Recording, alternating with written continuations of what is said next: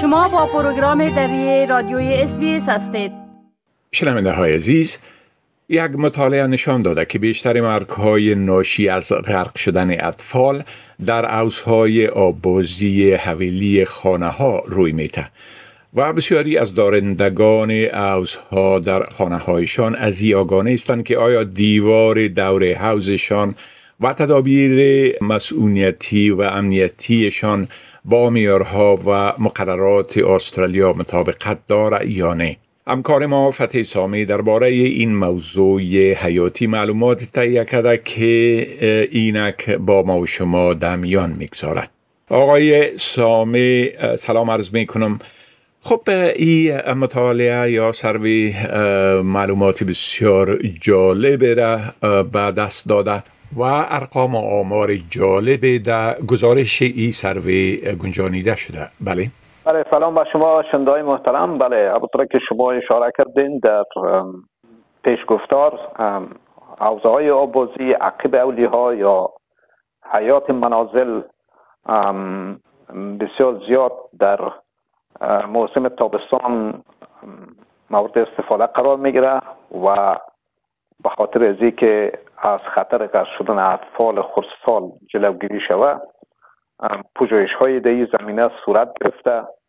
که اوضاع آبازی و حتی وسایل شستشوی کودکان در حمامای داخل خانه خطر ایمنی دارد و با وجود که 87 درصد از کل مرگ کودکان در حوزه آبازی و استخرهای شنا در حیات و های عقیبی منازل اتفاق میفته که کتاره های اطراف حوزه حولی و با میارای ایمنی آسترالیا مطابقت نداره بنابراین به خانواده ها گجدت میشه که کتاره ها حسارا و دیوارهای و همچنان دروازه های دخولی اوضاع خود به دقت بررسی بکنند به خاطر که از هر پنج نفر یک نفر از والدین یا 20 درصد والدین هنوز نمی‌دانند که برای مسئولیت و امنیت کودکای خود در اطراف اوضاع آبازی مناظر خود چی تدابیر را اتخاذ بکنه و چی کارهایی را باید انجام بده. بنابراین جدا گوشزد میشه تا قطاره ها و اصاره های اطراف اوضاع آبازی و دروازه دخولی که به دقت بررسی بکنند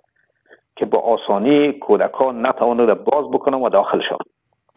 حوزه آبازی حیات و یا عقیب اولی که به نام بکیات پول ایجاد میشه خطر عمده ایمنی داره. چنانچه سال گذشته دوازده کودک زیر پنج سال غرق شدن و یکی بر سه صاحبای اوضاع هرگز دروازه کتاره خود بررسی نکردن و همچنان قرار پوجایش ها و دریافت جالبه که با وجود آمده همچنان 81 درصد دارنده های حوزه می‌دانند که دروازه حوزشون عیب داره و تختش یا دربش شکسته قفل درست نداره و کودک با آسانی می‌تونن داخل شوند و بدون نظارت احتمال غرق شدنشان موجود است.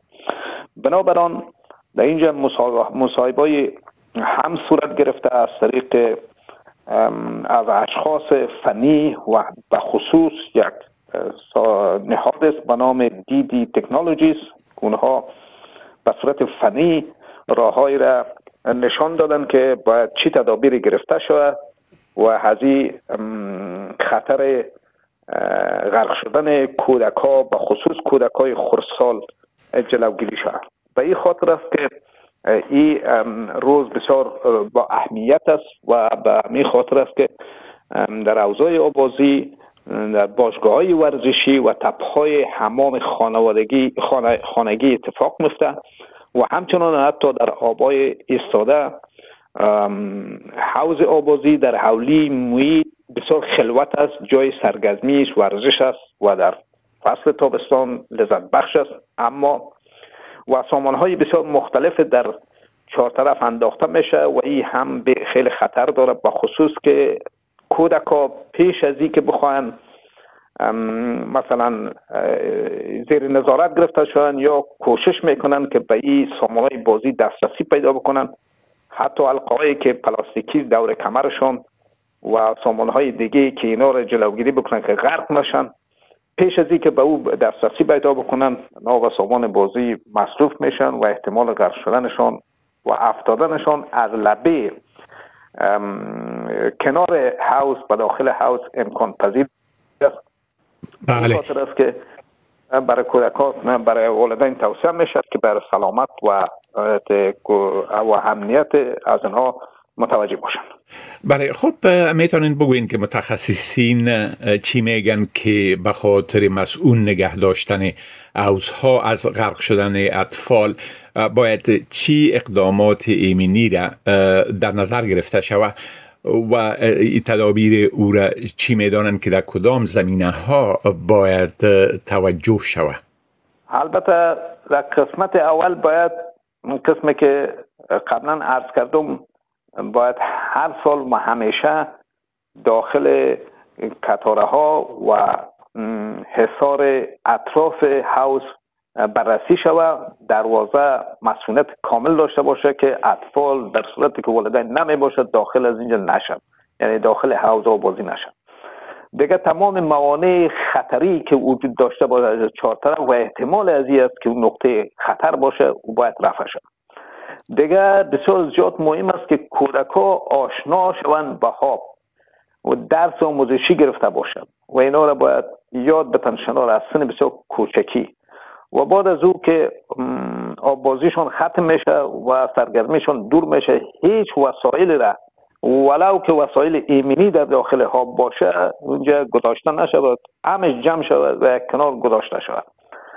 دیگه چیزی که بسیار مهم است می‌تونن به یک جای دیگه تماس بگیرن که به نام www.royallifesaving.com.eu می‌تونن معلومات بیشتر را و گایدلاین های یا دستور العمل را از اینجا به دست بیارن.